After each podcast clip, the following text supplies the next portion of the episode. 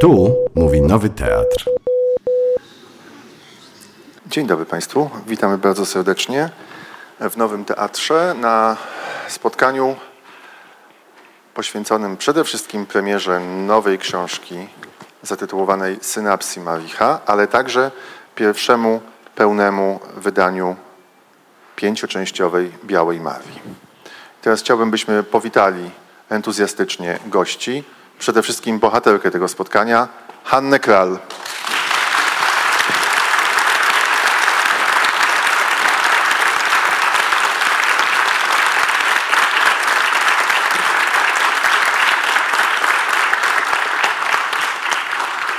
Są też z nami, na pewno się Państwo zdążyli zorientować, reżyser, współpracownik Hanny Kral, gospodarz tego miejsca, Krzysztof Warlikowski.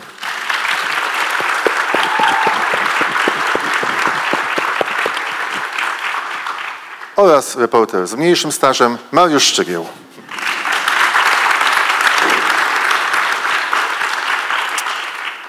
Pani Hanno, musimy od tego zacząć, że 9 lat temu, kiedy ukazywała się pierwsza wersja książkowa Białej Marii, ogłosiła Pani światu, że już niczego więcej nie napisze. Tymczasem jest to radość dla nas, ale również dla Pani czytelników, miłośników, myślę o synapsach Maricha, niemałe zaskoczenie. Ale ja to powiedziałam po piątej części, bo Biała Maria miała po Tak, kolei trzy ale- części, potem cztery, potem pięć. E, No Za i- każdym razem wydawało mi się tak, że to już koniec i po piątej części uważałam bardzo poważnie, że koniec. I tymczasem I tymczasem, a jeszcze usprawiedliwię się, dlaczego uważałam, że koniec. Dlatego, że ja jestem reporterką od 65 lat. Tu pan Mariusz powinien zemdleć z wrażenia. Bo, Bo ja tylko pan kiedyś 35. reporterkę, która od 65 lat, nigdy pani Drugiej takiej nie znam. Teraz ma pan szansę. Drugiej takiej nie znam. no. I uznałam, że jeżeli ktoś e, jest reporterem, przez, czy też reporterką przez 65 lat, no to właściwie co miał zobaczyć, to już zobaczył. Co miał usłyszeć, to usłyszał. E, co miał napisać, to napisał. No i to było myślenie usprawiedliwione. E, ale życie to życie potrafi dać do zrozumienia, że chwileczkę, chwileczkę, tu jeszcze jest coś do zrobienia. I pośrednikiem takim między życiem i mną była Marysia. Marysia, tutaj od razu może powiedzmy, że są e, dwie bohaterki tej em, książki. To są dwie Marie. Młodsza to jest Marysia, a starsza to jest pani Maria. Tak? I otóż z Marysią my się znamy od lat 70. Ja o Marysi napisałam, jeszcze kiedy w polityce pracowałam, napisałam e, reportaż pod tytułem Katarsienny. Potem on miał się ukazać w książce pod tytułem Katarsienny. Ta książka się nigdy nie ukazała, ponieważ cały nakład, 10 tysięcy egzemplarzy, poszło na przemiał. Ale nie dlatego, że był reportaż o Marysi, tylko dlatego, że jest tu reportaż o Annie Walentynowicz i dlatego książka poszła na przemiał. A przepraszam bardzo, skąd ten. Y, Ale skąd ten egzemplarz? A skąd ten egzemplarz? No, to jest egzemplarz jako, właśnie zastanawiałam się skąd. Chyba mi to y, za, albo drukarz jakiś zabezpieczył, albo ktoś, kto przemielił. Bo oni to mielili chyba w jakiejś papierni. I zdaje się, że byli na tyle litościwi, że, że kilka egzemplarzy zachowali. I to jest taki unikalny dosyć egzemplarz. I jeżeli mogę, jeżeli mogę, Panie Michale, to przeczytam malusieńki kawałek o, o Marysi, ówczesnej z lat 70. Dobrze, to po latach posłuchamy są warunki pracy. fragmentu Katarus Siennego z oryginalnego wydania, które zostało zmielone. Panie Krzysztofie, panie dyrektorze, to straszne warunki pracy. Do tego się nie- odniesiemy za chwilkę. To jest taki perelowski papier pożółkły. Jest ciemna, wysoka i przezroczysta. Powinna nazywać się Masza, jak Maria Timofiejewna, ale nie czytała Dostojewskiego i nazywa się całkiem inaczej.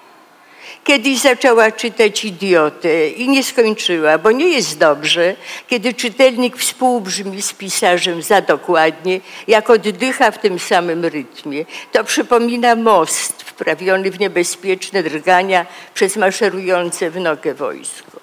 Miała narzeczonego, lekarza. Robił specjalizację drugiego stopnia. Rzuciła go, kiedy powiedział, a wiesz, nasi przyjaciele to nie będą zwyczajni lekarze, to będą docenci.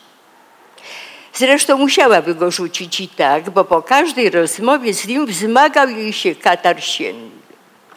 No I tu już wiadomo, wiadomo o czym, o czym był ten reportaż o katarze siennym. I moja, tak zaczęła się moja znajomość z Marysią. I potem przez całe dziesięciolecia miałyśmy kontakt, to z przerwami, bo Marysia była bardzo zaangażowana w różne sprawy publiczne.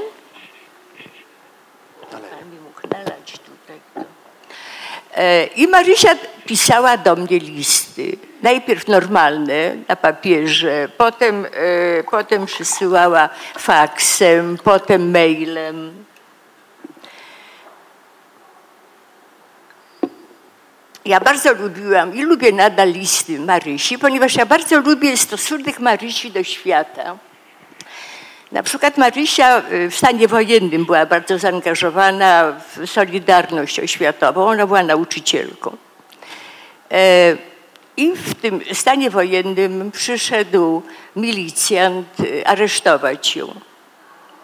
I to był mąż jej przyjaciółki, e, nauczycielki, sąsiad z bloku. I Marysi było strasznie przykro, bo on się zawstydził, że musi ją aresztować.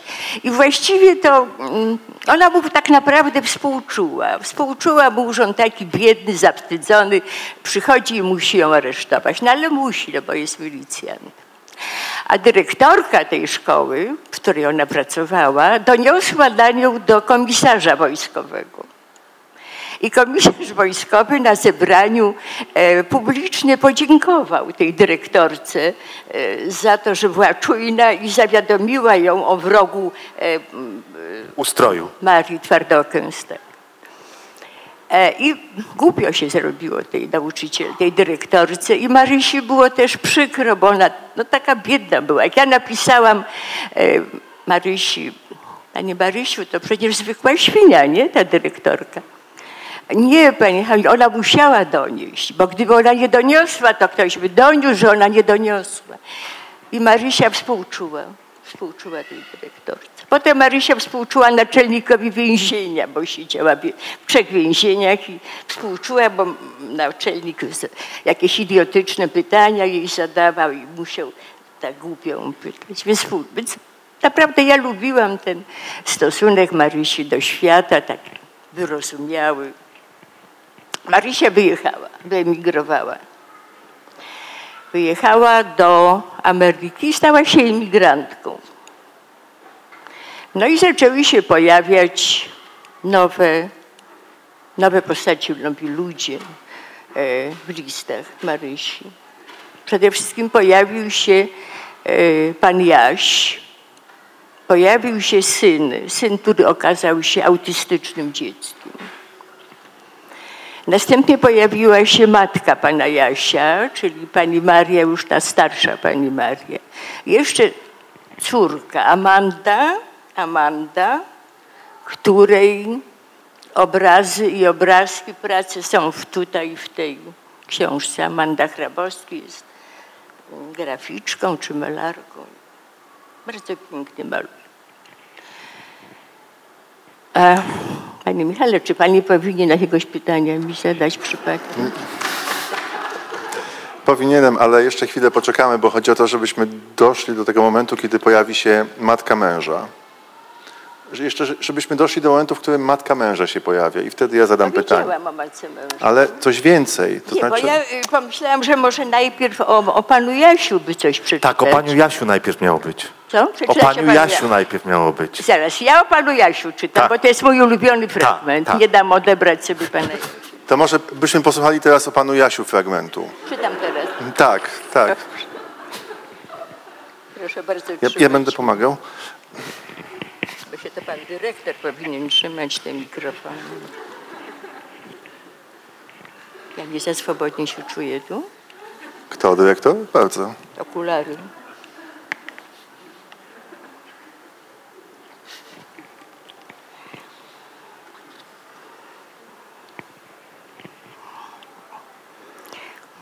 Leszek, emigrant lat 80. W zeszłym roku popełnił samobójstwo. Skoczył z mostu do jakiejś rzeki w stanie Wisconsin. Poznał ją z J, emigrantem 68. J był uprzejmy i pokazał jej Nowy Jork. W rewanżu postanowiła sprzątnąć mu mieszkanie. Nie miał odkurzacza. Nowy odkurzacz od razu się popsuł. Trzeba zwrócić, pouczyła J, ale wpadł w panikę. Nigdy jeszcze niczego nie zwracał. Pomogła mu i kupił sprawny odkurzacz. Doktorat z matematyki zrobił na Kolumbii, ale zarabiał niewiele. Trzeba poprosić o podwyżkę, poradziła i J wpadł w panikę. Jeszcze nigdy nie prosił o pieniądze. Dostał podwyżkę, razem z ironiczną uwagą o skarpetkach. Okazało się, że miał dwie różne skarpetki, obie przesadnie jak na guz przełożonego jaskrawych kolorach. Uznała, że J przydałyby się nie tylko skarpety, ale i ubranie ze wszystkimi guzikami. Było to zaskakujące spostrzeżenie, jak na osobę, która całkiem niedawno nie miała dość energii, by przyrządzić zebrane kardy.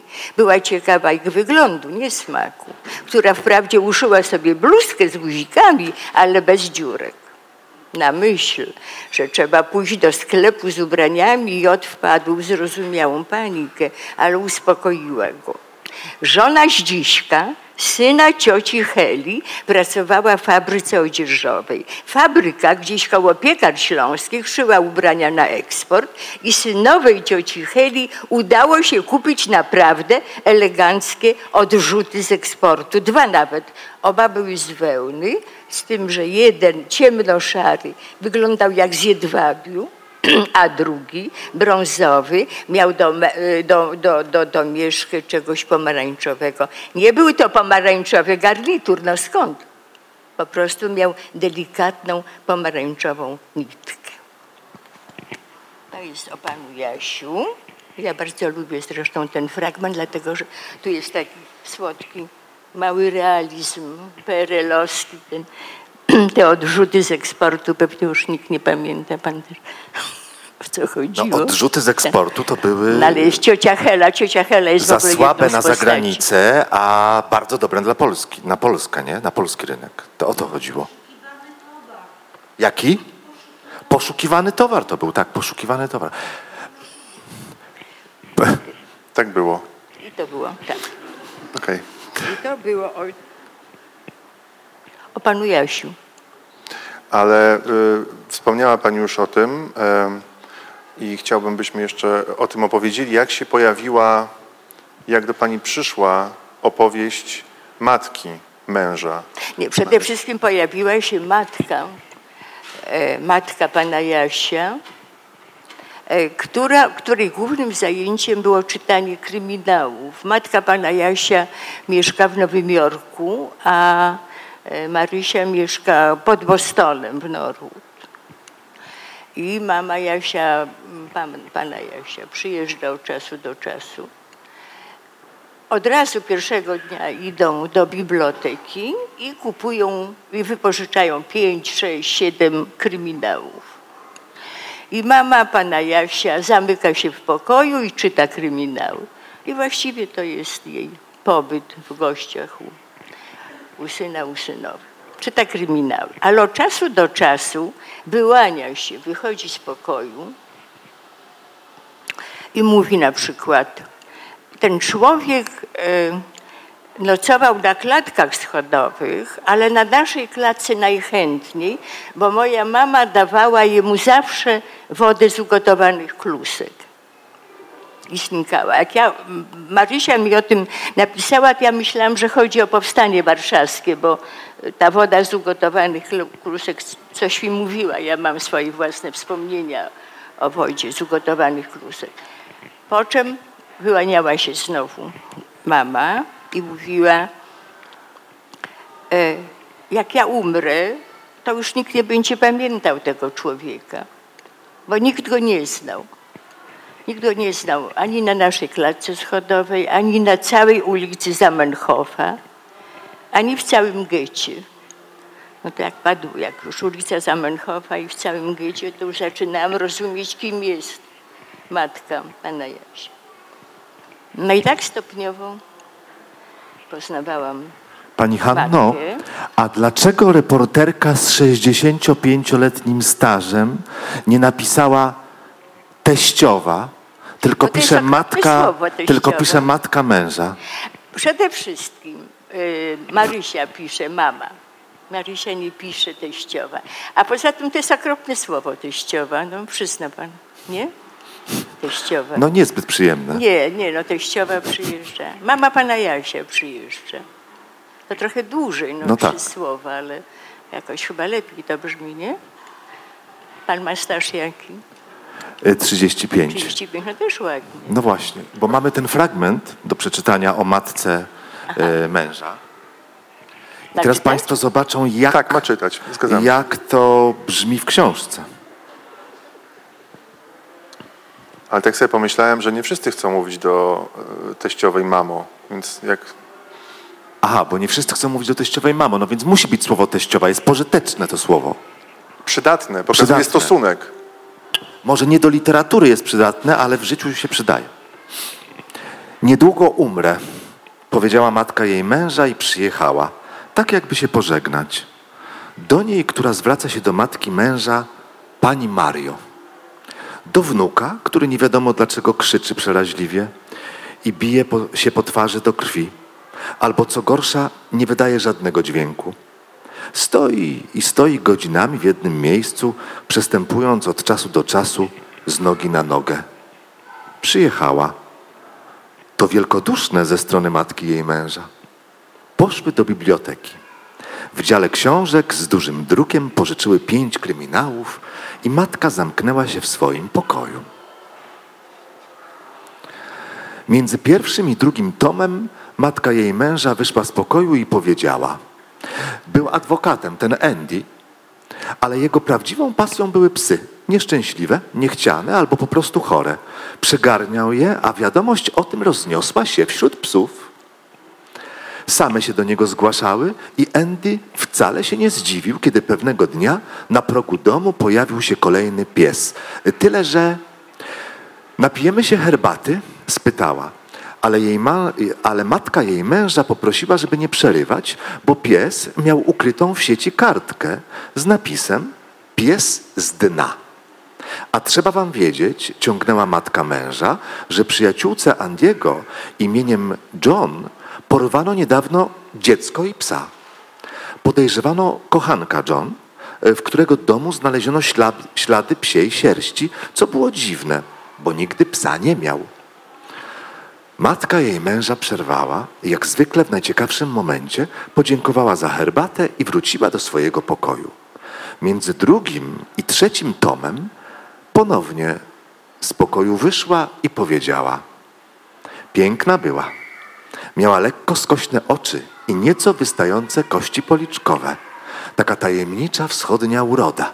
Nie wiadomo po kim, bo żadne z dzieci naszej babci nie było ani wschodnie, ani piękne.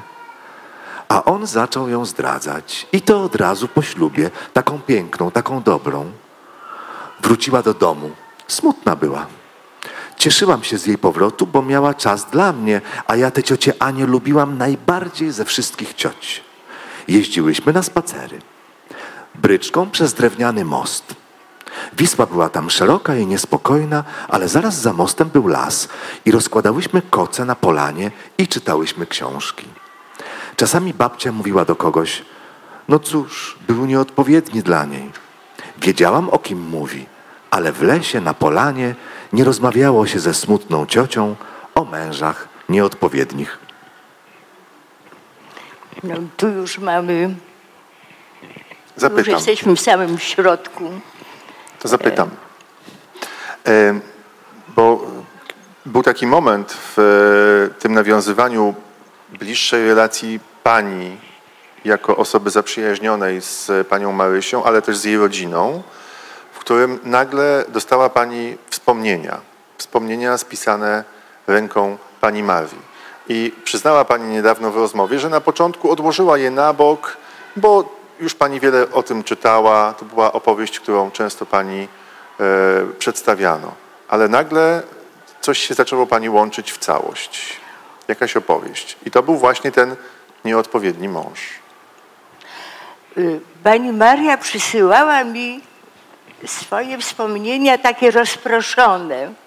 Ona, to nie było tak życie opowiedziane po kolei. To były wydruki. Czasami ona przysyłała, czasami pan Jaś, jej syn. I to, one były takie, co jej do głowy przychodziło, to spisywała i przysyłała. E, Jeden fragment był o przedwojennym Włocławku, tam gdzie był ten drewniany most, gdzie Wisła była niespokojna, to jest Włocławek przedwojenny. No ja myślałam sobie, to ja już znam takie historie, takie wspomnienia o takich niewinnych przedwojennych czasach. Ja już to znam i odkładałam do teczki. E, Potem było wspomnienie o, y, o tym, że byłam mm, w getcie, że nie dostali, przyszli za późno na Umschlagplatz i nie, nie zmieścili się już do wagonu. Do tego wagonu, który odjeżdżał z Umschlagplatzu, wiadomo dokąd. E, I przez y, całą noc czekali na mm, na wagony. Na, na- następnego dnia mieli, mieli je odjechać. E, To była mama Jasia, czyli wtedy jeszcze mała dziewczynka, jej mama, ciocia Ania, ta piękna i nieszczęśliwa i zdradzana ciocia Ania i córeczka. I czekali, no wiadomo na co czekali, i w środku nocy pojawił się mężczyzna, Był to policjant, żydowski policjant, który je wyprowadził.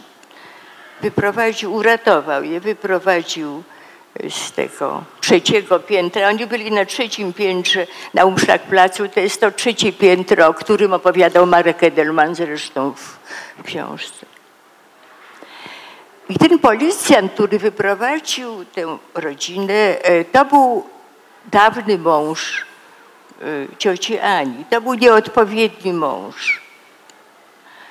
E, Przez lata oni się nie widywali w ogóle. Oni już nie byli małżeństwem. Nie mieli żadnego kontaktu. I w jednej tej mojej teczce leżało, leżała opowieść o nieodpowiednim mężu, która nie wiązała się, nie łączyła się z niczym. A w tej historii był, odnalazł się nieodpowiedni mąż, nazywał się wujek Max. Nie wiem dlaczego, nie ma tego imienia w książce, chyba jakoś się zagapiłam. No i powiem panu, że to było dla mnie zaskoczenie jakieś ogromne, ogromne. Nie wiem, czy na panu to też robi takie wrażenie, że z tych strzępów, z tych kartek nagle wyłania się jakaś historia jak z bajki właściwie, jak z bajki, prawda? Jak y, nieodpowiedni mąż, który się w odpowiednim momencie pojawia i ratuje. Zresztą na krótko, bo oni wszyscy zginęli. Wujek Max też zginął. I wtedy od razu pojawia się taki niepokój, jak ja mam to napisać, bo już wiedziałam wtedy, Czyli to był ten że moment, to kiedy już pani wiedziała, na że... mnie czeka, że to już się zbliża do mnie, że jak to napisać, żeby to nie zabrzmiało jak bajka. Wie pan, jak się pisze o tych historiach z czasów zagłady, to zawsze jest problem, jak napisać, prawda? Jaka to ma być forma, Ale żeby, pani, broń Boże, nie, nie ozdobić tego, bo każda próba takiego ozdobnego pisania jest czymś, e, no, nie chcę powiedzieć niegodziwym, ale czymś naprawdę niestosownym. Pani Haniu, pani pisanie się zmieniło radykalnie wręcz od, e, przez te 65 lat. Od takiego właśnie koronkowego, bym powiedział, po bardzo oszczędne. I teraz, jak mieliśmy przed chwilą ten fragment, mm, e, który jest tak napisany... A co pan chce przeczytać? no, Taki tylko począteczek jeden. Proszę się nie bać. To nie będzie kompromitacja. To jest bardzo dobry No tekst. właśnie się zaczynam niepokoić. To, be- to jest kawałek bardzo dobrego tekstu. I teraz pani pisze, jakby Mondrian malował swoje kreski i swoje podstawowe kolory, ale wtedy, w latach 70., to pani tak, taki szlaczek miała. Dwa lata temu na Sylwestra słownie zdemoralizowano mu żonę. Jeszcze dwa zdania. Tak określił to później w skardze do władz, a jutro ma być ich sprawa rozwodowa, trzecia już i ostatnia. Żonę zdemoralizował główny inżynier kopalni Dąb- Dębowski, który powiedział jej w tańcu, pani Dąbkowa przy takiej urodzie mogłaby się pani nawet Dębowska nazywać. I wszystko, co zdarzyło się później, było następstwem tych słów, wypowiedzianych przez głównego inżyniera w noc sylwestrową w sali lustrzanej najpiękniejszego domu wczasowego w całym Krościenku, a wyglądała wtedy przepięknie. No i to jest ogromny, ogromna przepaść stylistyczna, nie? To przecież to były inne czasy. No właśnie, inne jak pani czasy. doszła do tej... Inni ludzie. Przede wszystkim tam to się wszystko działo na moich oczach. Tam nie było żadnej pamięci. Tam żadna pamięć nie była, niczyja pamięć nie była mi potrzebna.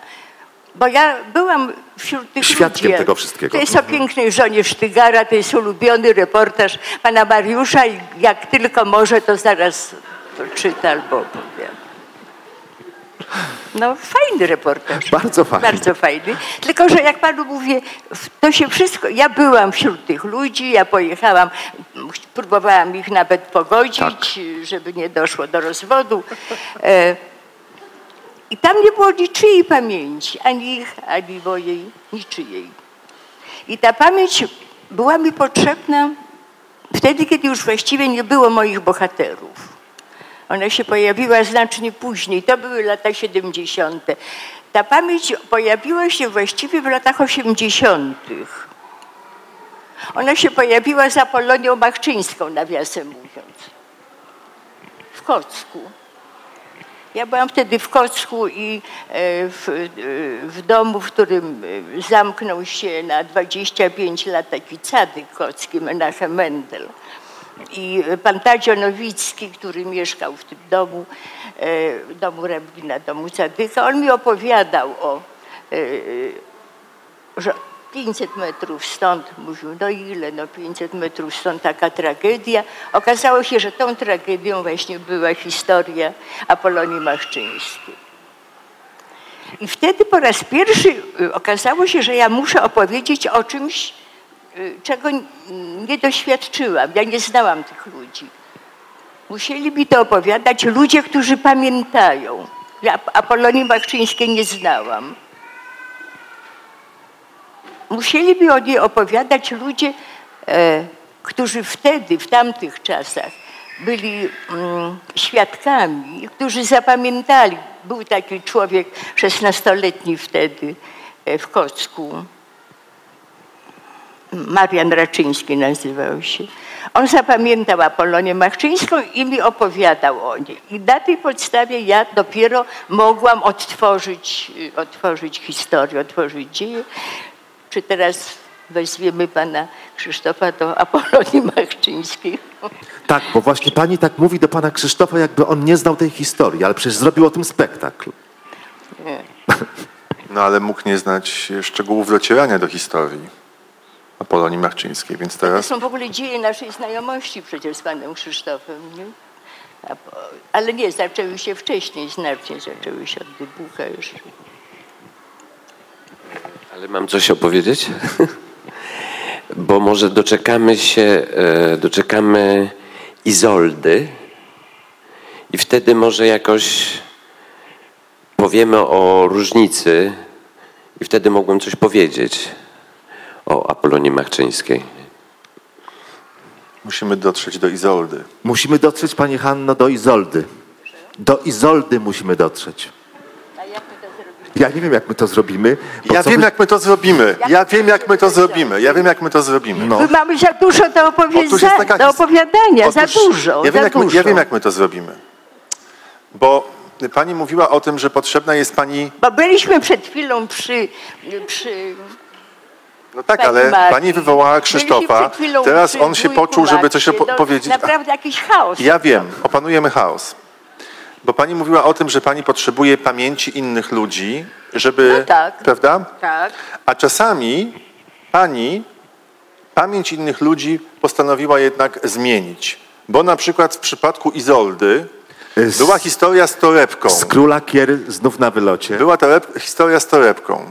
Otóż Izolda pani opowiadała swoją historię i mówiła o torebce ze świńskiej skóry, a pani postanowiła w książce tę torebkę wyrzucić, a dać jej torebkę mamy Izabeli Cywińskiej. Dobrze, Jesteśmy przy Izoldzie, torebce, uwaga. Ale No właśnie. czy pan jest pewny, że my wrócimy kiedyś do tej książki, tak? Tak, wrócimy dzisiaj. Prawda, że będziemy jeszcze o tym Wrócimy, bo ja jeszcze jeden fragment mi pani y, kazała przeczytać.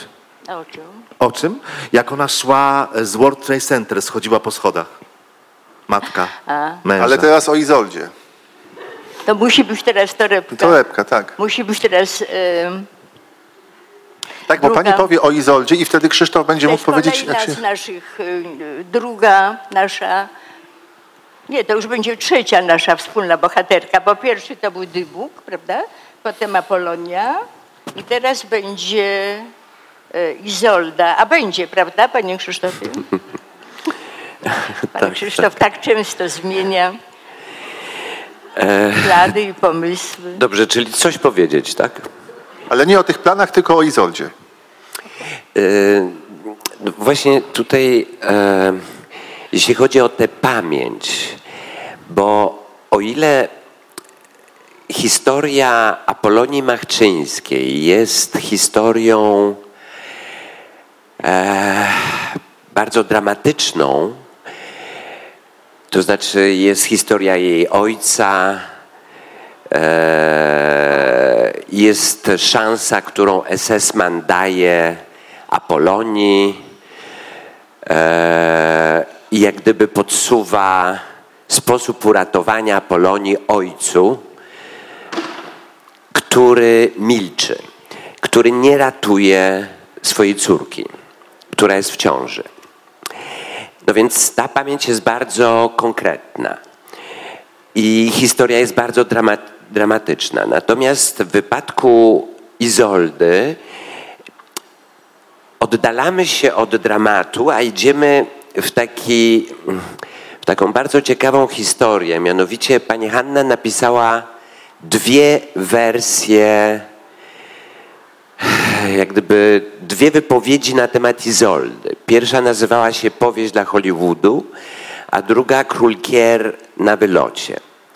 I właściwie obie historie zostały napisane jeszcze za życia Izoldy. E, Tym punktem takim e, najbardziej zapładniającym e, teatralnie czy dramatycznie jest ten epizod z lotniska w Tel Awiwie. Mianowicie, kiedy Izolda po swoich przygodach życiowych, które zaczęły się w Polsce, w getcie, e, odnalezieniu e, męża, 68 rok, e, osiedlają się w Austrii, zakładają sklep z dżinsami, po czym on ją zostawia, a ona jedzie do córek do Izraela. I właśnie tam e, odbywa się mm, e, kręcenie filmu z Elizabeth Taylor, filmu katastroficznego o uprowadzeniu samolotu z Tel Awiwu francuskiego. I dochodzi to do uszu Izoldy, która mieszka już wtedy w Tel Awiwie. Izolda postanawia wybrać się na to lotnisko, żeby poznać, e, żeby spotkać Elizabeth Taylor i opowiedzieć jej swoje życie, o którym Izolda myśli, że byłby to świetny materiał dla zrobienia filmu hollywoodzkiego, w którym jej rolę zagrałaby Elizabeth Taylor. No więc można powiedzieć, że to jest taki malutki, bardzo malutki dramat w porównaniu oczywiście e, z tym, co się zdarzyło w rodzinie Apolonii. Czy pani się, pani Hanno, zgadza, że to jest mały dramat? E, jednym słowem, e,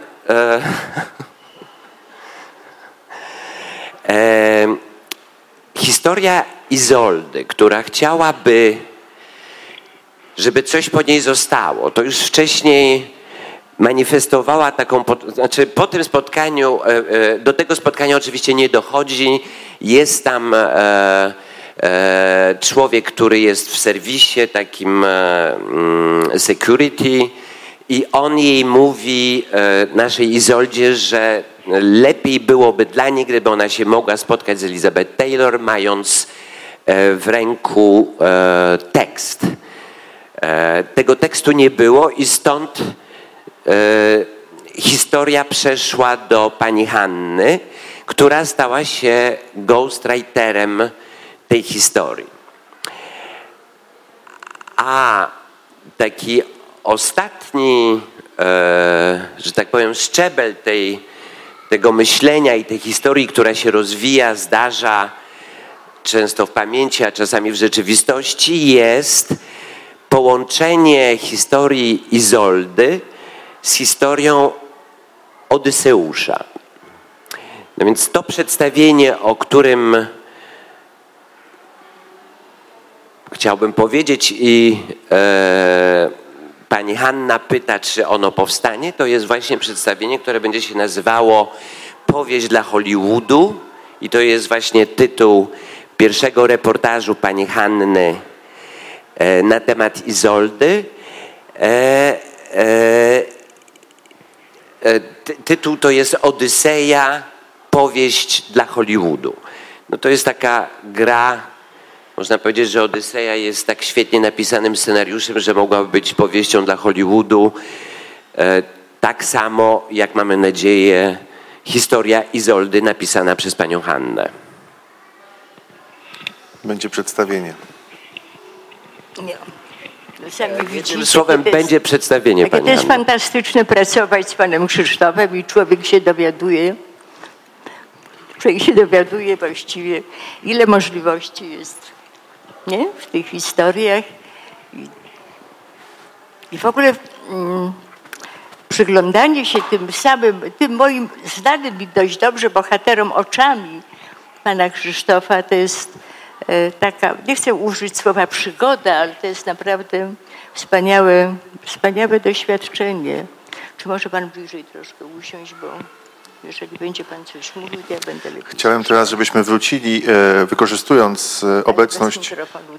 Chciałbym, byśmy wrócili, wykorzystując Proszę? obecność obu panów. Wykorzystamy teraz obecność obu panów z nami na scenie, bo chciałem Was zapytać, oba jesteście po lekturze synapsów Maricha bo takim słowem kluczem na początku spotkania było zaskoczenie. Co dla Was było zaskoczeniem podczas lektury tej książki, w tej historii opowiedzianej przez e, panią Hannę? Zaskoczenie w synapsach, e, no to przede wszystkim e, genialny początek. Był dla mnie zaskoczeniem, a początek musi zaskakiwać. No bo słuchajcie, jeśli ktoś nie czytał, jeśli ktoś nie czytał, to pierwsze zdanie brzmi tak.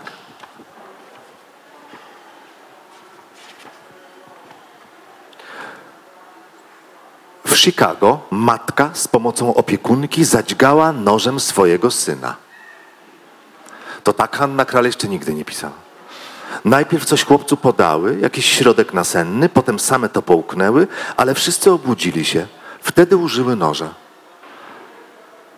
W Vancouver matka zabiła siebie i syna, udając wypadek samochodowy, a w Kolumbii Brytyjskiej zwłoki matki i syna znaleziono w sypialni. No i tu mamy takie tło, y, na które autorka rzuca historię Marii i jej syna, bo jest tak.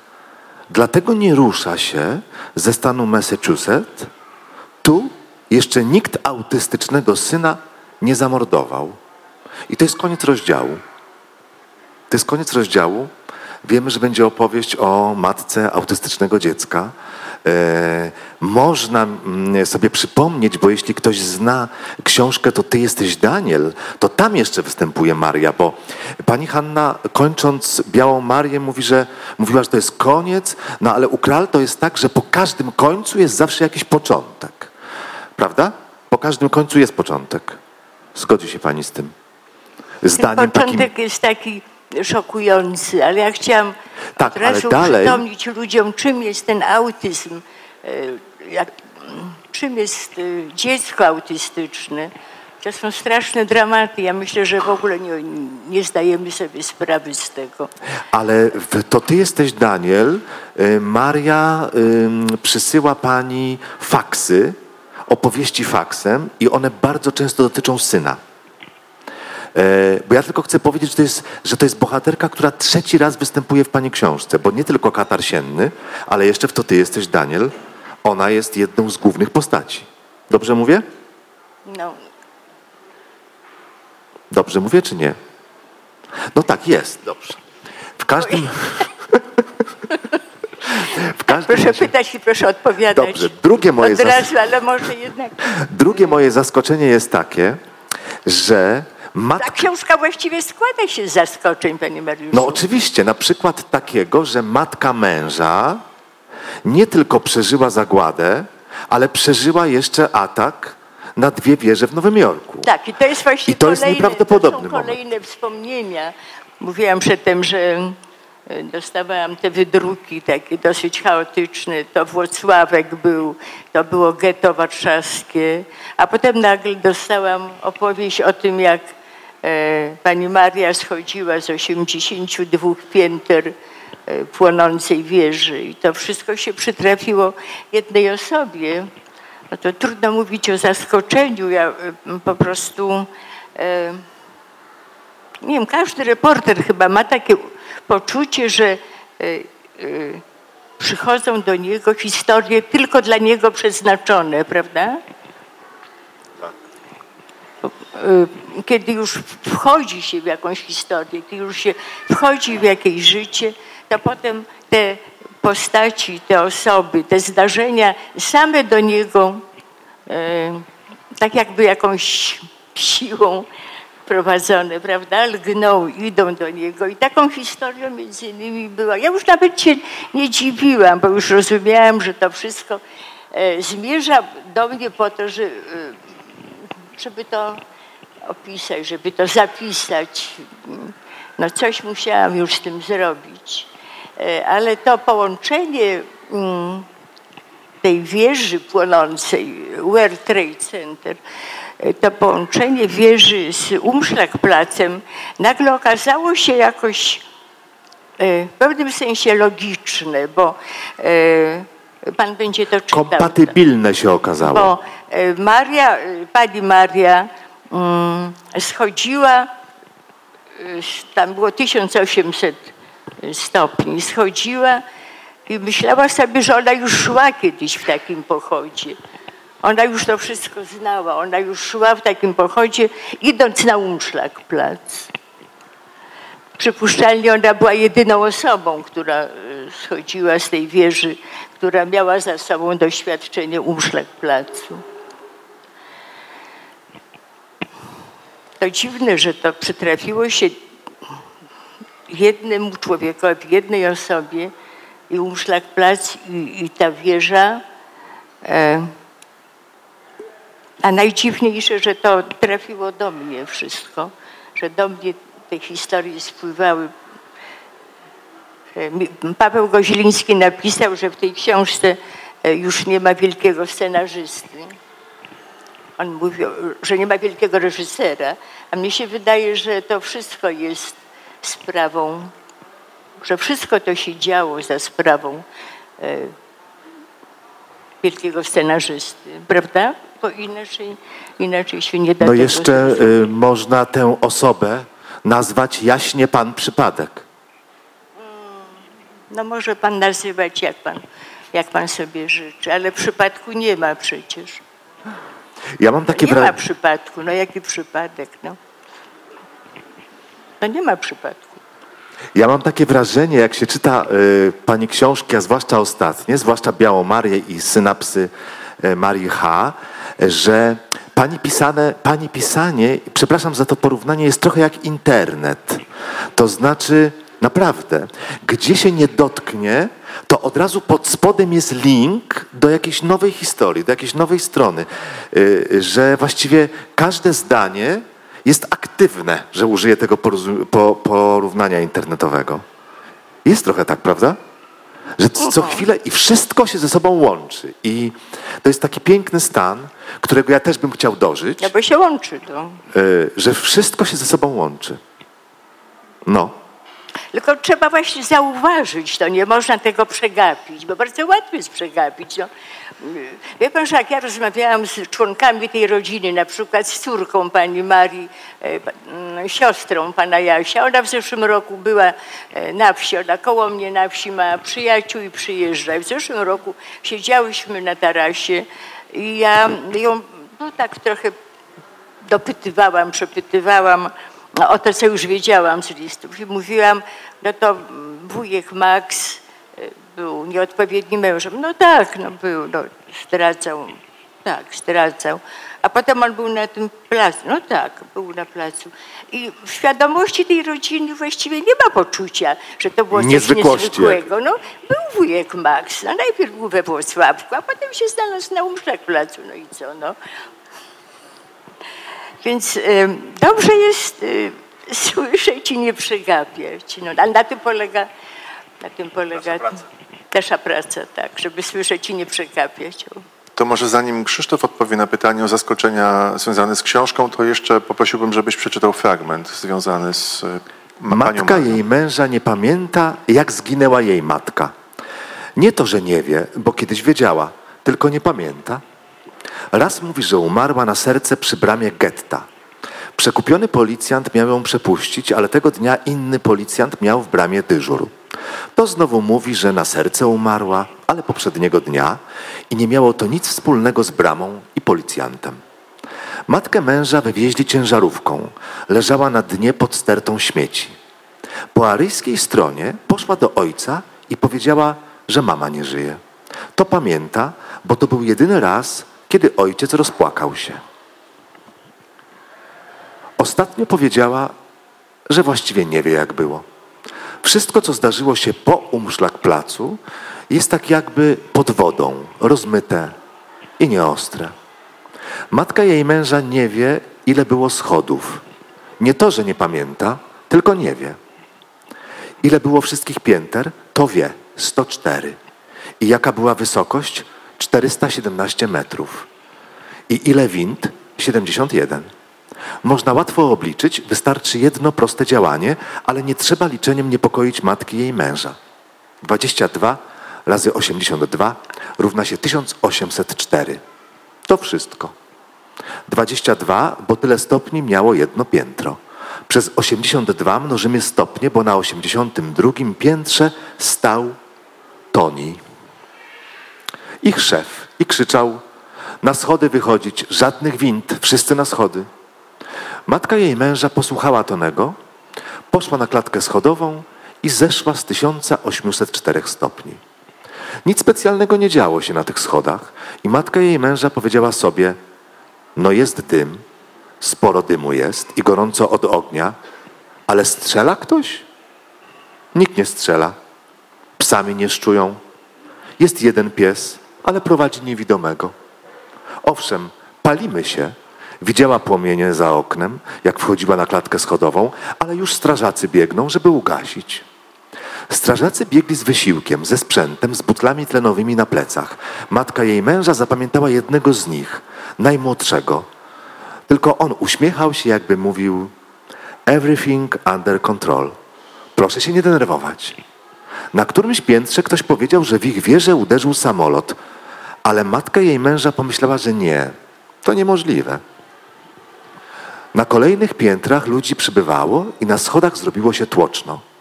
Tworzyli coś w rodzaju kolumny, karnie i w porządku posuwającej się krok za krokiem. Matka jej męża pomyślała, że kiedyś już szła w kolumnie i przeżyła. To teraz miałaby nie przeżyć. Potem pomyślała, skoro wtedy dałam radę, za drugim razem może mi się nie udać. No tak było. To trochę takie jest jak Biblia brzmi, wiecie? Jak z Pisma Świętego, tylko współczesnego. Skąd takie porównanie? Nie wiem, taki styl oszczędny, wiesz, takie, takie wszystko takie, takie bardzo precyzyjne. Myślałem, że chodziło ci o przypowieść. Y, Przypowieść plus biblijna precyzja. Tak, tak, bo rozmawiajcie trochę o tym. Krzysztofa chciałem zapytać o, o, o te zaskoczenia w czasie lektury. Czy były jakieś? Ale ja właśnie nie wiem dlaczego, bo pani Hanna powiedziała, że tu w ogóle nie chodzi o zaskoczenie. Natomiast no myślę, że masz jakiś, jakąś myśl m, za tym zaskoczeniem, bo właściwie no oczywiście każdy z, każdy z bohaterów pani Hanny Kral jest zaskakujący. E, można myśleć, e, ale myślę, że, że jakoś trudno mi mówić o zaskoczeniu. Myślę, że pani Hanna bardzo jak gdyby zamyka rozdziały ze sobą i one są jak gdyby w trakcie e, porządkowania i to są jak gdyby ostatnie te historie, które przyszły, które jeszcze e, nie ujawniły się i które mm, no, jak gdyby dopełniają e, ten świat postaci pani Hanny.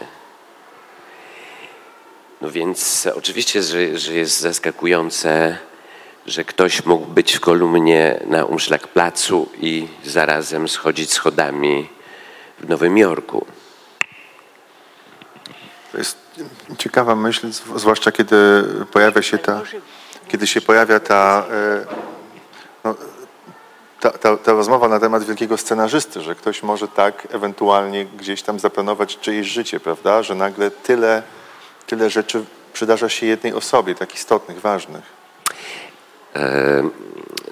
Tu mi się przypomina cała historia e, chrztu dziewczynki. To znaczy, bo ta historia znalazła wielkiego scenarzystę. Mówię o filmie Kieślowskiego. E, natomiast pani Hanna miała inną wizję tej historii, to znaczy tę prawdziwszą i w rezultacie te poszukiwania, które pani Hanna podjęła na temat e, tej pary, która wtedy właśnie odmówiła chrztu, no jak gdyby pokazały inny scenariusz niż ten scenariusz e, Kieślowskiego. Nie wiem, czy to jest scenariusz pani Hanny, czy to jest e, ten...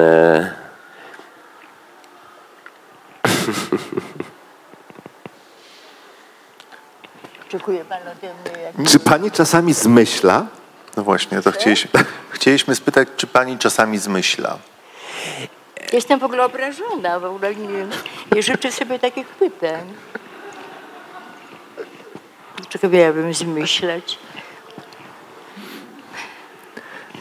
Życie jest tak fascynujące, A bohaterowie, tak wspaniałe mi podsuwa historię. Ale bohaterowie Dlaczego mogą, miałabym ale bohaterowie mogą zmyślać. No mogą, ale przecież od tego ma się uszy i słyszy się. Słyszy się przecież, kiedy... Tak? A nie Tak. wystarczy słów? Ale nie tutaj trzeba tego sprawdzać? Oczywiście, że tu jest pewna dowolność.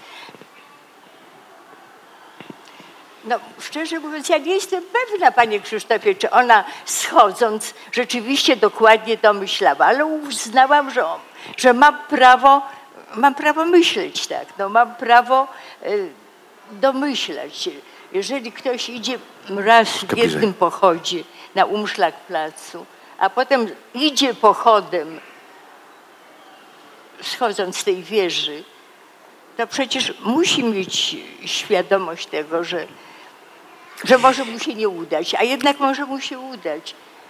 Ale skoro się raz udało, to drugi raz już się nie Bo uda. ja myślę z kolei- Jeżeli to jest myślenie, no to, to biorę to na swoje sumienie, ale e, mam prawo przecież się domyślać, prawda? E, Bo ja e, teraz mówię o Białej Marii. O Białej Marii. Nie słyszę. Krzysztof mówi o Białej Marii. Musi pan bliżej usiąść, bo przez te mikrofony ja po prostu nic nie słyszę. Krzysztof mówi o Białej Marii Co to? Krzysztof o Białej Marii. Tak, tak, tak. No i mówię o tym, e, o tym pytaniu o to małżeństwo, które e, ma ochrzcić e, żydowską dziewczynkę. E, w momencie, kiedy ma się to zdarzyć, to to małżeństwo się wycofuje. I tutaj pani Hanna nie ma odpowiedzi na to, dlaczego tak się dzieje. E, zjawia się Krzysztof Kieślowski, który wykorzystuje tę samą historię e, i on ma wytłumaczenie. Chodzi o to, że to małżeństwo jest w konspiracji e, i że mogliby się skompromitować i że nie można było tego chrztu dać po to, żeby chronić organizację konspiracyjną. To jest e, decyzja Krzysztofa Kieślowskiego, e, jeśli chodzi o dekalog, e, część ósma. Natomiast mm, myśmy często rozmawiali z panią Hanną na ten temat. No i teraz z kolei w Białej Marii mamy ciąg dalszy historii. To znaczy pani Hanna wybiera się w podróż za tą parą, która kiedyś e, zasłaniając się tym, że nie mogą kłamać w kościele, e, nie pomogła tej dziewczynce, ta para. I teraz pani Hanna wykonuje tę drogę do Szczecina, gdzie szuka, e, co się stało dalej w życiu tej pary, w poszukiwaniu faktów, które mogłyby pomóc zrozumieć, co mogło się zdarzyć, ale właściwie te fakty, które pani Hanna przytacza, one są bardzo istotne, jak gdyby są w centrum mm, myślenia moralnego o, o tej parze. Natomiast też nie są odpowiedzią, dlaczego wtedy ta para nie pomogła tej dziewczynce. Krzysztofie, ale ja mam takie wrażenie, że współczesne dziennikarstwo, także współczesny reportaż, ale w ogóle media, przyzwyczaiły nas do tego, że zawsze musi być odpowiedź. Że dziennikarz, e, e, dziennikarz śledczy zawsze nam da odpowiedź i nam wyjaśni. I właściwie jak się otworzy e, internet, to głównie są odpowiedzi się od razu pojawiają. Natomiast mam takie wrażenie, że i pani Hanna, i ty bardzo cenicie taki materiał literacki, w którym tej odpowie- tych odpowiedzi nie ma. Że brak odpowiedzi z waszego punktu widzenia może być wartością. I jest nawet o wiele ciekawszy i jest bardziej wskazany, często dla widza czy dla czytelnika, prawda? To znaczy, wiesz, bo też mógłbym powiedzieć, wiesz, nie jako reprezentant e, dziennikarstwa, ale... No, ale mówię w ogóle o, te- o materiałach literackich. Bo zauważyłem też e, fenomen, na przykład taki wielki, głośny fenomen David Lynch, prawda? W momentu, kiedy się pojawił e, w sztuce, to tak jak gdyby zwolnił wszystkich artystów z odpowiedzi, z tak zwanych rozwiązań, które kiedyś były jednym z niezbędników e, przedstawień teatralnych czy filmów. Te rozwiązania i musimy to zrozumieć w końcu. Natomiast e, rzeczywiście od bardzo dawna jesteśmy zwolnieni od tego. E, natomiast e, e, to jest bardzo proste, bo chodzi o pytania, które stawia sobie czytelnik i pytania, które stawia sobie widz. Oczywiście widz czy czytelnik odpowie na to tyle, ile sam wie. To znaczy, nawet jeżeli ja wiem, to ja tego. Ja wiem e, tyle, ile ja wiem, prawda? No więc e, e, rzeczywiście mm, widz czy czytelnik, który stawia swoje pytania, jest e, większą wartością niż my, którzy przychodzimy z odpowiedziami. Ale prawo do tajemnicy mo, może być czasem zachowane. Ale to jest e, bardzo wciąż, e, jakżeż to powiedzieć, jesteśmy wciąż w sercu konfliktu. Bo na przykład e, e, Amerykanie, czy nie mówię o linczu, prawda, ale Anglicy, prawda, bo przecież oni cały czas dużo piszą tekstów do, do teatru, nie tylko był Szekspir, ale prawda, e, i oni mają swoje reguły, prawda, i te reguły są, no właśnie, można powiedzieć, zupełnie przeciwne temu, co mówisz o dziennikarstwie, temu, co ja mówię o przedstawieniu teatralnym. I to się nazywa wtedy teatr kontynentalny. I może dziennikarstwo też kontynentalne. Pa, Pani Hanno, chciałem jeszcze zapytać o jedną rzecz, która ma związek z synapsami. To znaczy o to, czy Pani wie, jak Pani Maria, nazywana też Panią Marysią, bo chodzi o młodszą z bohaterek, tę książkę przyjęła. Czy Pani pracowała z nią nad tą książką, czy pokazała jej już gotowy tekst? Jak to było? Ja jej nie pokazałam w ogóle, ja nie pokazuję bohaterom moich tekstów. A jak żądają Ale autoryzacji? skądże? Pan pokazuje, zdaje się, tak? Panie Mariuszu, pan jest taki lojalny. W życiu bym tego nie zrobiła.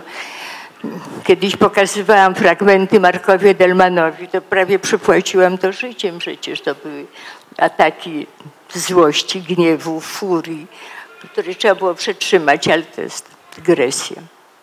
E, Ja przeczytałam przez telefon Do Ameryki Pani dzwoniła? młodej, młodej, Mary, młodej pani Marii, czyli Marysi. Całą A książkę? przeczytałam całą książkę przez telefon, tak. Mhm. Dlatego, że y, ta książka jest poprzez nią opowiedziana, prawda? Wszystko, co tam się dzieje, i Jaś, i syn oczywiście, e, i starsza pani Maria, wszystko jest poprzez, e, poprzez e, Marysię. Nawet te wspomnienia, które mam od pani Marii, też jakby za sprawą Marysi zostały uruchomione. Mm, I uważałam, że tak, no, powinnam. I miałam wrażenie, że mm, ona się tylko niepokoiła, jak, jak przyjmie to pani Maria, jak przyjmie tę książkę mama pana Jasia. Ale tego jeszcze nie wiemy. Ja dopiero w poniedziałek poślę książkę pani Marii. Czyli matce męża. Pani Marii, mamie Jasia, mamie pana Jasia. E, Ale mam wrażenie, że mm, zresztą stosunek Marysi do pani Marii też jest skomplikowany. E, I od czasu do czasu, od czasu do czasu ja to zasygnalizowałam, dałam do zrozumienia, prawda? E, Kiedy pierwszy raz padło słowo autyzm, e, o dziecku Marysi, to wtedy pani Maria powiedziała, w naszej rodzinie nikt na to nie chorował. Na co Marysia pomyślała, w mojej rodzinie też nikt na to nie chorował. Powiedziała, "No, ale nie pamiętam, czy powiedziałam to, czy tylko pomyślałam sobie. Przypuszczam, że tylko pomyślała sobie. E, Pani Maria jest niełatwym człowiekiem. To zresztą widać chyba, jest silny. Czyli nawet jak się teściowa trochę zdenerwuje, to No. czytając to będzie okej. No tak. Ciekawe, że pani Maria ucieka się w te. E, u, e, nie wiem, czy to jest ucieczka, ale może to jest ucieczka. Dlaczego ona te kryminały tak namiętnie czyta? Bo ucieka od swojego Pomyślałam horroru. sobie, że jednak w kryminałach jest pewien porządek. Jest tam porządek świata w kryminałach, prawda? Dobro zwycięża, a zło jest ukarane. Może o to chodzi. Może pani Maria z ulgą e, czyta o tym, że można ukarać zło i dobro może zwyciężyć. Bo to chyba tylko w kryminałach to się zdarza, prawda? W tym świecie, który zna pani Maria, w którym żyła pani Maria, e, dobro raczej nie zwyciężało. No to w kryminałach zwycięża i, i czyta. Czyta kryminały. I ciekawe, że pierwsze zdanie, które mnie zresztą tak uderzyło bardzo, to brzmiało tak. To Marysia mi powiedziała. E, Mama Jasia e, nie pamięta, jak umarła jej matka. Nie to, że nie wiedziała, bo wiedziała, tylko nie pamięta. Jak ktoś nie pamięta, jak umarła matka, no to jest przecież niesłychane zdanie, prawda? Niesłychane. To znaczy, że każda z tych postaci żyje w innym świecie, w swoim własnym świecie. Nie ma jednego wspólnego świata dla nich wszystkich. Syn Marysi żyje w świecie, do którego nie ma nikt dostępu. On śmieje się nie wiadomo dlaczego, krzyczy nie wiadomo dlaczego, złości się nie wiadomo dlaczego i szczęśliwy jest też nie wiadomo dlaczego. Od czasu do czasu on próbuje poprawić świat. Poprawia świat w ten sposób na przykład, że poprawia podpis wychowawcy. Siedzi godzinami, poprawia podpis, bo nie podoba mu się ten podpis, albo poprawia numer na tablicy rozdzielczej, na tablicy Rejestracyjnej. samochodu. E, Nikt nie ma dostępu do świata tego chłopca. Nikt nie ma w gruncie rzeczy dostępu do świata pani Marii tak naprawdę. Pani Maria się nie zwierza. Pani Maria niczego nie opowiada. Pani Maria jest zamknięta w swoim pokoju i czyta kryminały. A Marysia opowiada mi, co gdzie rosło, gdzie rosła dziewanna w Sączowie, czy tam w Dąbrowie Górniczej, e, gdzie dziurawiec, ojciec jej pokazywał te rośliny.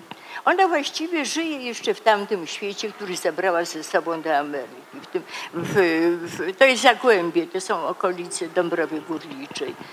I opowiada mi, gdzie rośnie na przykład e, czosnek, e, jak ten, niedźwiedzi, tak? Czosnek niedźwiedzi. niedźwiedzi. E, Bardzo pięknie kwitnie i ludzie, i ludzie zrywają. E, Ale jej przyjaciółka Ola, Ola Trzaska, to była osoba, która siedziała e, o wiele dłużej niż Marysia krótko siedziała, Ola siedziała chyba trzy lata w więzieniu E, i mm, Marysia nosiła jej na strajk Kanapki. nie, nie kanapki, nie. To było w akcie oskarżenia zresztą. To jest w internecie, ten akt oskarżenia e, przeciw Marysi. E, nosiła jej chleb, kiełbasy i sześć paczek papierosów jej zaniosła i to było w akcie oskarżenia. No i Ola teraz bardzo pilnuje, żeby ludzie nie zrywali tego e, ochronionego e, Tego- czosnku niedźwiedziego, który jest pod ochroną. Tak. Ola poza tym walczy o prawa ptaków do gniazd, walczy o przyrodę, walczy o O jeżyki. tak o jeżyki walczy. Jakaś wspaniała osoba jest Ola, pani Ola Trzaska. Ja jej nie znam, ale znam ją tylko z opowieści. I y, Marysia żyje w świecie, w którym była Ola, w którym y, ona jej nosiła te paczki, e, w którym y, trzeba chronić tego czo, czo, Czosnek czo- niedźwiedzi nie i jeżyki. Czosnku niedźwiedziego, tak, trzeba chronić. Każdy z nich, każda z tych osób, a pan Jaś to w ogóle jego nie ma, on siedzi przy komputerze, on jest genialnym matematykiem. Nie ma jednego świata, każdy żyje w swoim świecie. Skoro pani mówi o tym, że nie ma jednego świata, a wielu światów już w ogóle nie ma, to jeszcze o jednej rzeczy chciałem powiedzieć, zanim przejdziemy do scenografii, w której się znajdujemy i pewnego zaskoczenia związanego z Francuzami i Dreyfusem. Ale jest jeszcze jedna rzecz. Mogę coś przeczytać? A co to będzie? To będzie fragment książki Synapsy Marii H. Hanny Kral. Aha. A który fragment będzie czytał? Zamenhofa 26. Ale wie pan co, to jest cienka książka, my zaraz całość przeczytamy, to po co mamy? To dobrze, trudno. No. Była Zysia Goldberg. Skradziono jej dwa futra i znajomy z Nowolipek zaprowadził Zysię do Godela Szopy. Godel, król, zbo- król złodziei muranowskich, obiecał pomoc i na początek poprosił o zaliczkę. Tysiąc złotych zaledwie, ale Zysia udała się na policję. Był heder, szkoła religijna Jakuba Barszcza, front, pierwsze piętro. Byli komuniści. Zebrali się w hederze Barszcza i udawali zwyczajne kółko samokształceniowe. Policja dostała poufną wiadomość, kim są i wszystkich aresztowała. I ten krótki rozdział tej krótkiej książki to jest odtworzenie świata kamienicy przy Zamenhofa Zamenhofa 26. 26. To był świat, którego nie ma. No i skąd pani to wie? Skąd ja to wiem? dzięki pani Dorocie Szymborskim. Jest tutaj Dorota na? Jest Dorota, tak. Jest Dorota. Jest Brawa dla Dorota? Doroty. Brawa dla Doroty, bo to Dorota wszystko, Dorota Szymborska e, jak Państwo za chwilę usłyszą, Dorota. Szymborska jest fenomenalną dokumentalistką, researcherką i y, trzeba powiedzieć Zamenhofa 26. Potem mija kilka miesięcy i pani Dorota przynosi mi takie ogromne sterty, przywozi właściwie, sterty przedwojennych gazet. I wszędzie są jakieś informacje. Nie mam pojęcia, jak ona to robi. Nie wiem, informacje o, o, tej, o tym, kto tam żył, kto umarł, kto się urodził, kto ukradł, e, kto zdradzał, kto kochał. To jest w tych e, w, informacjach, ale do tego jeszcze była książka Klary Mirskiej, dziennikarki, mm, która wyszła, nie wiem, 100 egzemplarzy, a może było 200 egzemplarzy tej książki. I pani Dorota miała tę e, książkę i mm, wszystko to razem, to były takie strzępy świata. I te strzępy ja starałam się ułożyć jakoś. Znaczy łączyłam ludzi, łączyłam wątki. Już e, z czasem rozumiałam, e, kto kogo kochał, e, kto kogo zdradzał, czyja żona, czyj mąż, bo to powtarzały się te osoby. I starałam się odtworzyć, odtworzyć świat Zamenhofa 26. No świat, którego nie ma. Dużo światów już nie ma. Ale już więcej nie czytajmy może, co? Co prawda ja jeszcze miałam przeczytać zakończenie, ale to jest tak cienka książka, że już wszystko jest przeczytane i nikt niczego nie, nie zechce. ale ona jest, nie no, czytamy tak krótkie fragmenty, to może przeczytajmy to założone. zakończenie. To może przeczytajmy to zakończenie, a, tak, a potem... A, jeszcze, a mamy jeszcze jedno zakończenie, to zaskoczenie mamy. Tak. Zaskoczenie mamy pod tytułem Dreyfus, ale to nie wiem, czy będzie. Dobrze, ja o to zapytam za chwileczkę. Tak, pamiętali o tym, prawda? tak, tak. Jak to się będzie liczyłem? Okulary.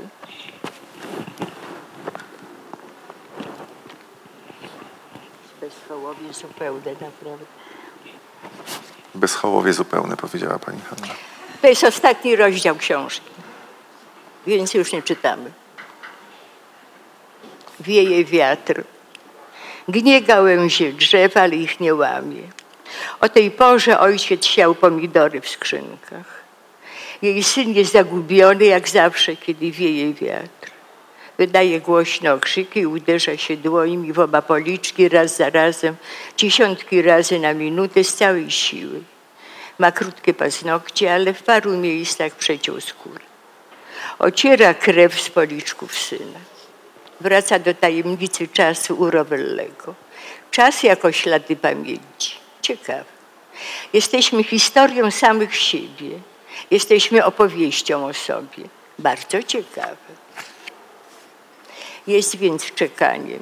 W kolejnym szpitalu albo sanatorium Marysia miała Hajnę Medina. Marysia jest po Hajnę Medina. W kolejnym szpitalu albo sanatorium, w kolejnym gipsie, czekaniem na matkę. Jest cierpliwością ojca, który jej pokazuje nową roślinę. Jest słowem autyzm, które słyszy z ust amerykańskiego psychiatry. To się leczy, prawda? Upewnia się, ale lekarz wzrusza ramionami. E nie, leczenie nic nie da. Jak to nic? Jej syn liczy, czyta, sprząta łazienkę i przytrzymuje otwarte drzwi, żeby mogła przejść. I to wszystko jest nic? Jest tą, która przeczytała o tajemnicy czasu i która napisała przed chwilą, że syn jest zagubiony. Która napisała słowo syna. Carlo Rovelli tłumaczy jej, że to mózg tworzył mosty pomiędzy przeszłością i dniem dzisiejszym. Przeszłość zostawiła ślady w synapsach, połączeniach między komórkami nerwowymi. Synapsy. Bardzo ciekawe. Wieje wiatr. Nie wiadomo, co okaże się dzisiaj silniejsze. Śnieżny front zachodu, czy deszcze ze wschodu od oceanu, czy odwołają zajęcia syna, day employment i czy przyjedzie po niego mikrobus. Jeśli przyjedzie, czy jej syn zechce wsiąść, czy postanowi poprawić numer na tablicy rejestracyjnej. Poślizgnęła się i upadła. Nie mogła wstać. Przeczołgała się w miejsce bez lodu i oparła się na dłuższej nocy. Niczego nie złamała, ale coś ją boli, ścięgna albo mięśnie. Chce jej się spać.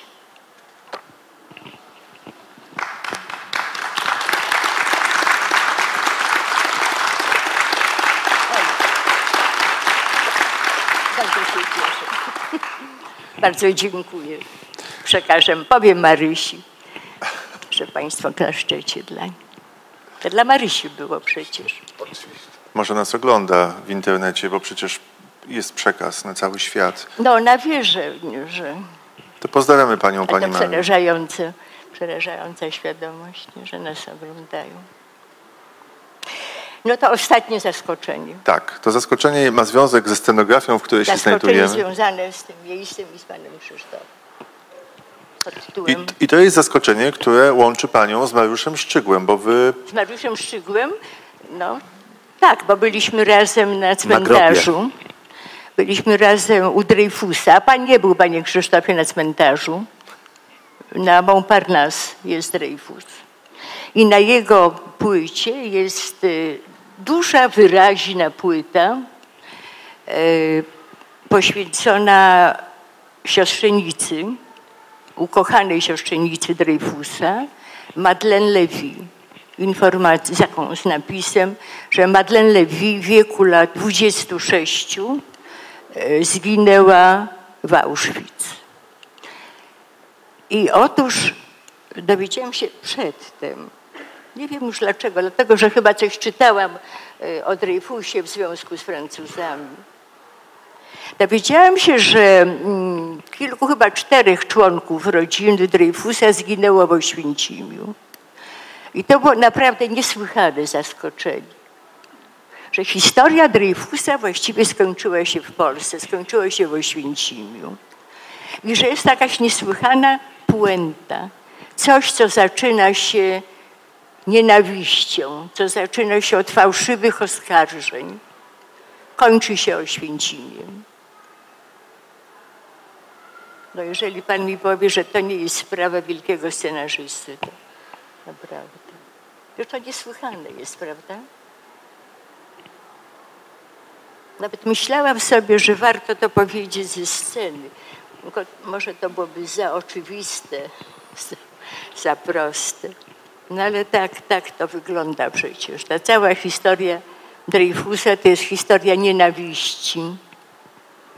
Nienawiści, fałszywych oskarżeń. I na końcu jest Oświęcim.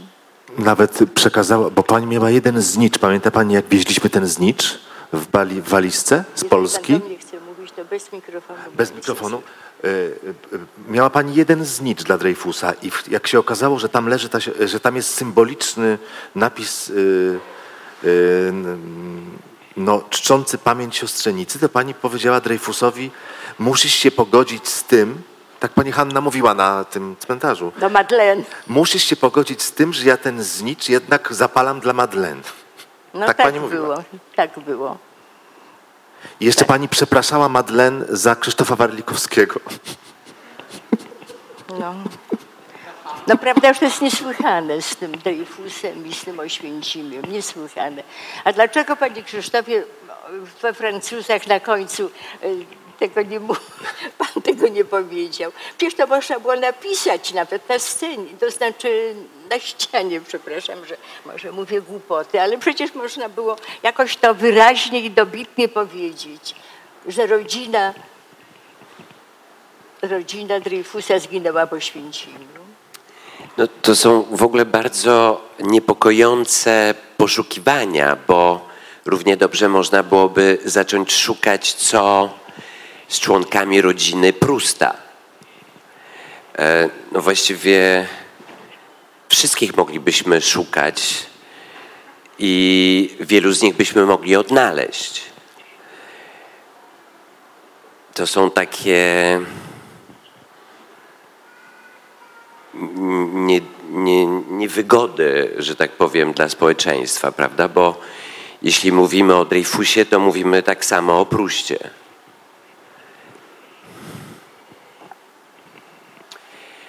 Eee,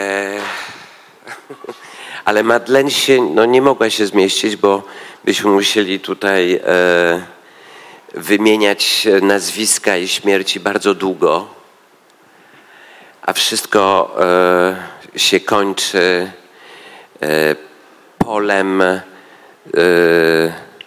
i zbożem, który e, pod wiatrem się przechyla i tak e, wydawało mi się, że to wszystko, co miało wrócić do ziemi i jak gdyby rośnie na nowo, to jest właśnie to, co straciliśmy i to, co zostało poświęcone, a wciąż jeszcze jest e, w naturze obecne.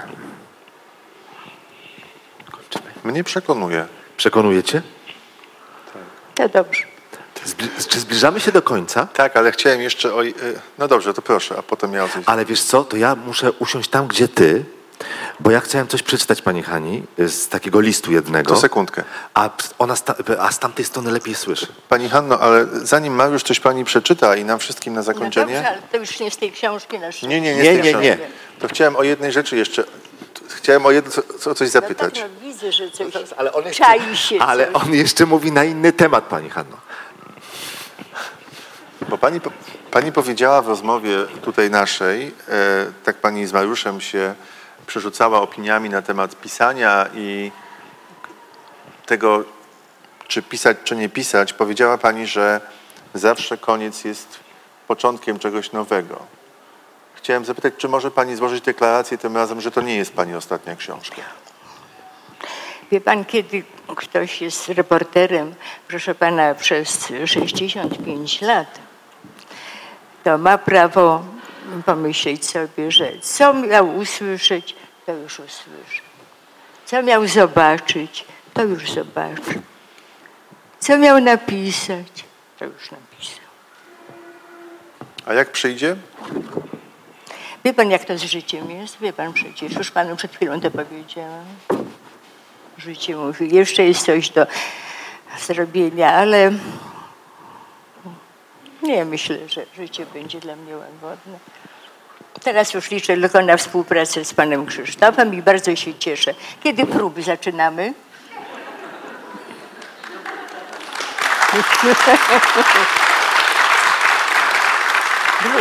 Wielka scenarzystka, to jest bardzo niebezpieczne. To, teraz ja się przesiądę i legendę finale będzie należało do Mariusza Szczygła. Bardzo proszę. Przesiądziemy się, dlatego że tutaj będzie lepiej słychać, dobrze? A mogę zaglądać panu przez Proszę zaglądać. Pani Hanno, w czasach, kiedy pani poznała Marię, Tak. y, mówię teraz o roku 81, maj 81, napisał do pani pewien młody kandydat na reportera o imieniu Tomasz z Olsztyna.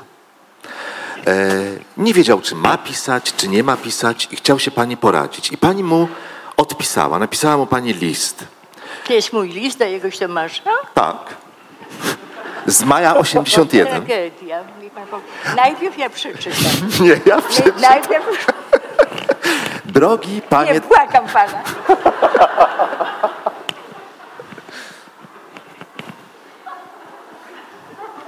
Od razu powiem, że nie ma długopisu, by skreślać, więc musi pójść w całości. O! no to już bardzo może ja, dobrze? Nie, to to już potem jest coś innego. Drogi panie Tomaszu, to jest tak jak Hanna Kral odpisywała na listy pisemnie jeszcze, nie tylko mailem. Dziękuję za dobre słowo.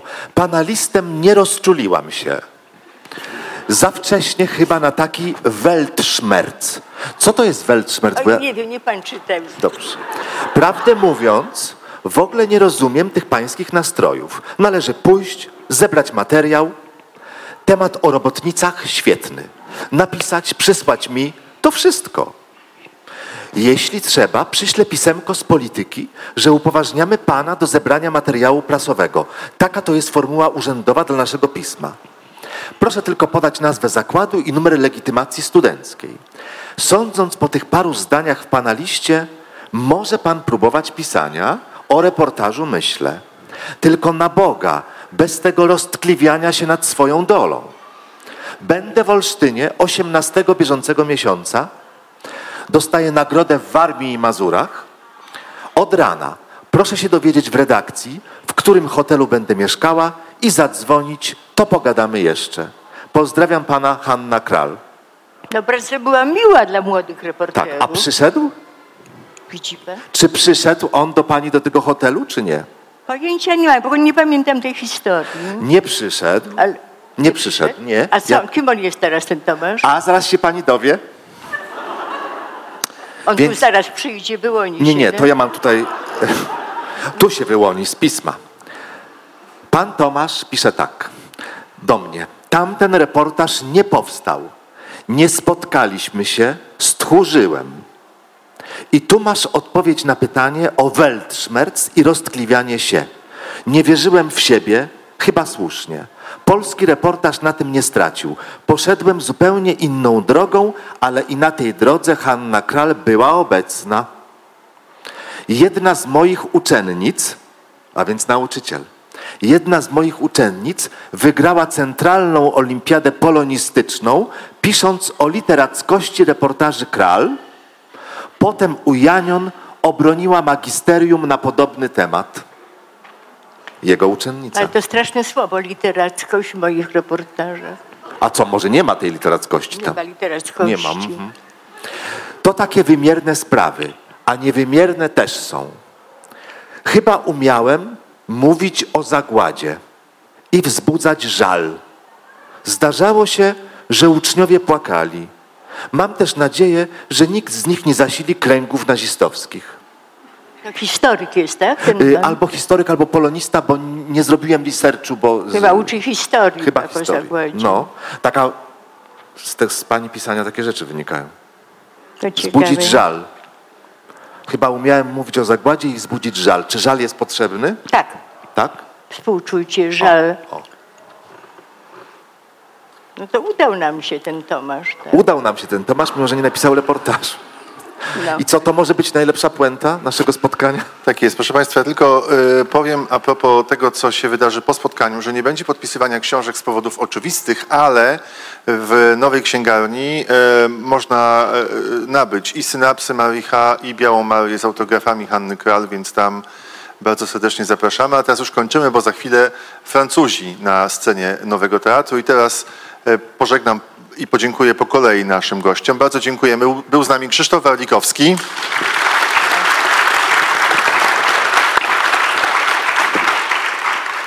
Czekamy na próby od lutego. Był z nami Mariusz Szczygieł. Staż 35 lat. No i bohaterka tego spotkania, mistrzyni reportażu Hanna Kral.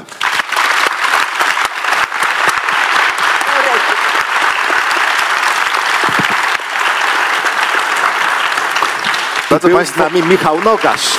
bardzo Państwu dziękujemy za to spotkanie i życzymy dobrej niedzieli. Do zobaczenia.